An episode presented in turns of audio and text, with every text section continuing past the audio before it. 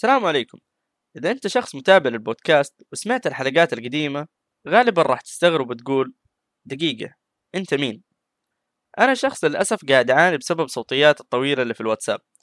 أفرز صوتياتي تقريبا دقيقة ونص وأطول صوتية لي كانت فعليا عشرين دقيقة. يب ما أستهبل عشرين دقيقة. فلك أن تتخيل عزيزي المستمع قد إيش أنا أحب أتكلم وأتفلسف على الناس. لكن للأسف كل بعد صوتية طويلة أرسلها كانوا يقولوا لي أرفعها في البودكاست نزلها في تعابر وإلى آخره من الدبات اللامتناهية. في البداية كنت أخذ الموضوع بمزح بعدين قلت دقيقة ليش ما أنزل حلقة فعلا؟ وأقعد أتفلسف براحتي بدون ما أحد يتدمر كل شوية.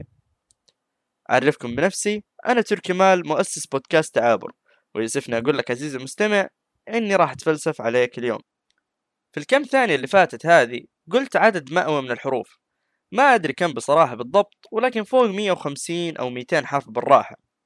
في كل مرة كنت أحاول أن أقول حرف كانت في مجموعة من العضلات قاعدة تشتغل عشان يخرج الحرف بالنطق الصحيح. في المقابل أنت عزيزي المستمع قاعد تستقبل هذه الحروف وتحاول تترجمها لمعلومات تقدر أنك تفهمها وتستوعبها. كل هذا خلال أجزاء من الثانية وبدون أي أدنى مجهود منك. ويرجع الفضل بعد الله إلى أحد أهم أعضاء الإنسان إذا مو أهمها الدماغ.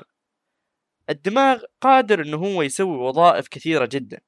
يعني فرضا السمع الرؤية الكلام حل المشكلات وحتى اتخاذ القرارات.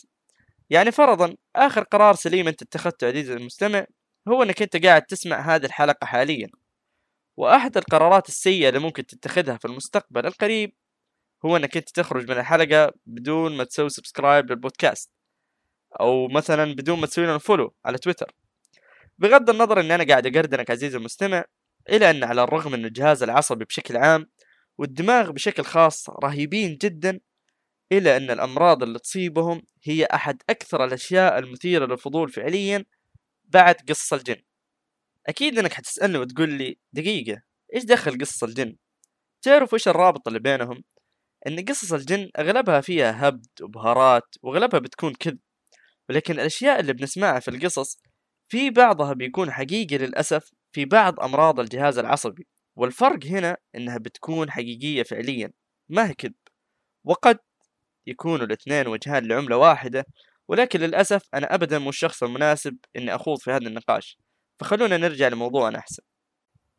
أمراض الجهاز العصبي متنوعة جدا ولكن الحاجة المثيرة للفضول فعلا هي الأمراض اللي بتكون لها علاقة بالجانب النفسي للمريض. واللي بتتغير فيها شخصية المريض وأفكاره ومعتقداته. في هذه الأثناء في الغالب راح يخطر في بالك المرض الشهير جدا ألا وهو الفصام. سبق وتكلمنا عنه في حلقة صيام غير مشروع. إذا أنت مهتم راح أترك لك رابط الحلقة في الديسكريبشن. الشخص المصاب بالفصام ممكن يقول لك فجأة إنه في شخص قاعد يلحق ورانا ويبغى يقتلنا. أو ممكن حتى يقول لك إنه هو قاعد يسمع أصوات. وممكن يتطور الموضوع وتبدأ تظهر أعراض جنون العظمة اللي بتكون مصاحبة للفصام. وفجأة يقول لك أسمع ترانا المهد المنتظر. وفعلا هذا مثال للأسف مو من وحي الخيال. على مر الزمان كثير ناس ادعوا النبوة. والغريب في الموضوع أن مصابين الفصام يكونوا مقتنعين بالفكرة اقتناع تام. ويناقشك ويتكلم معك بكل جدية.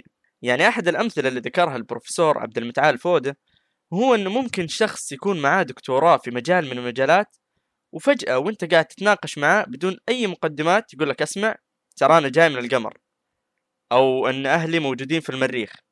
ومهما حاولت تثبت له أنه هو على غلط راح يقاوم ويحاول يثبت لك العكس.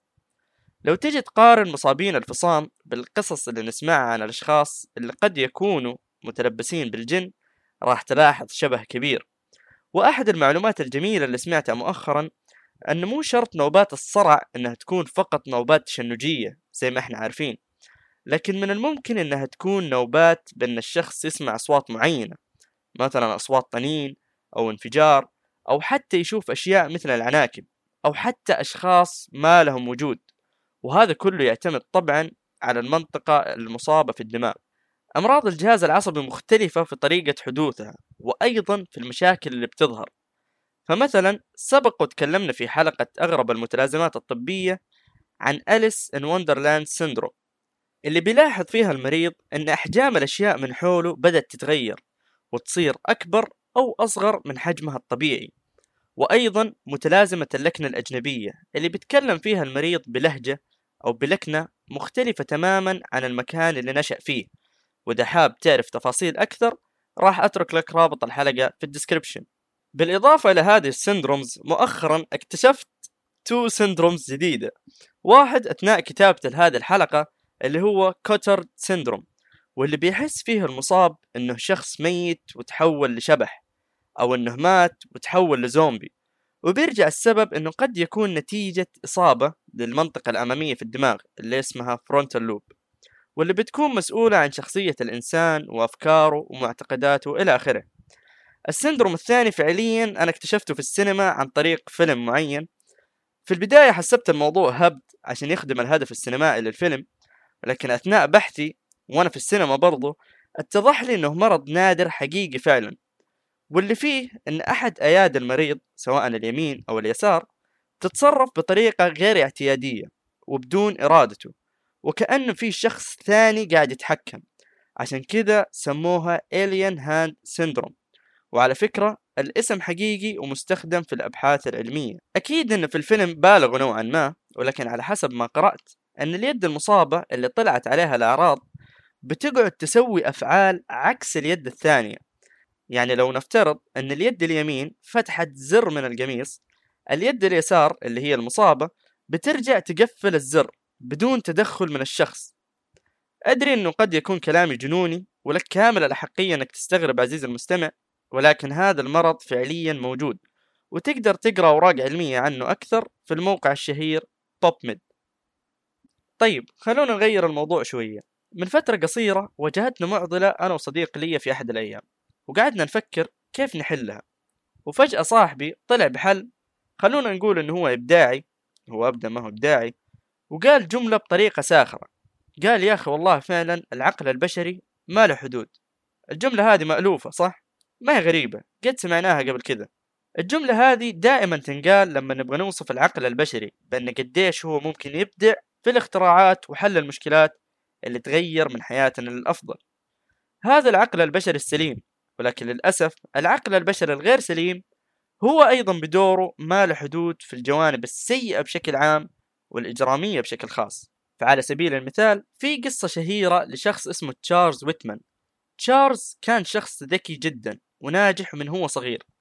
تشارلز في عمر ست سنوات معدل ذكائه كان 139 وفي كل مرحلة دراسية وكل مكان يلتحق فيه كان يعرف بذكائه ودائما كان له شعبية في محيطه.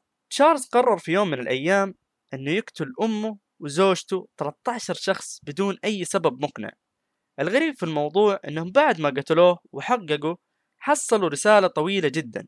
يقول فيها أنه هو مو عارف إيش قاعد يحصل معاه. وإيش مصدر هذه الأفكار العدوانية. وأيضا قاعد يعبر في الرسالة عن مدى حبه لأمه وزوجته وكان يقول إنه بيحاول يقتلهم بأقل ضرر ممكن عشان ما يعانوا. وهنا نلاحظ أن الشخص كان في صراع ما بين دافع لأنه هو يقوم بأعمال عدوانية وما بين أنه هو ما يبغى أهله أنهم يعانوا. حاجة غريبة صح؟ الأغرب من كذا أنه كان مكتوب في الرسالة أنه هو بعد ما يموت يبغاهم يسووا له فحص كامل عشان يعرفوا إيش الحاجة الغلط اللي كانت في جسمه خلته يرتكب كل هذه الجرائم. وفعلا بعد ما شرحوا جثته اكتشفوا إنه في ورم في الدماغ في منطقة لها علاقة بالمشاعر بمختلف أنواعها. الهدف من هذه القصة أو من الحلقة بشكل عام إن نوضح قديش أمراض الجهاز العصبي تقدر بإنها تقلب حياة الشخص رأسا على عقب. من شخص ناجح جدا في مجتمعه إلى مجرم عافانا الله وإياكم من كل شر. في الختام أتمنى تكونوا استمتعتوا بالحلقة مثل ما أنا استمتعت بكتابتها وإلقائها. لا تنسوا تتابعونا على حسابنا في تويتر عشان يوصلكم كل جديد. كان معاكم أخوكم تركي مال. في أمان الله.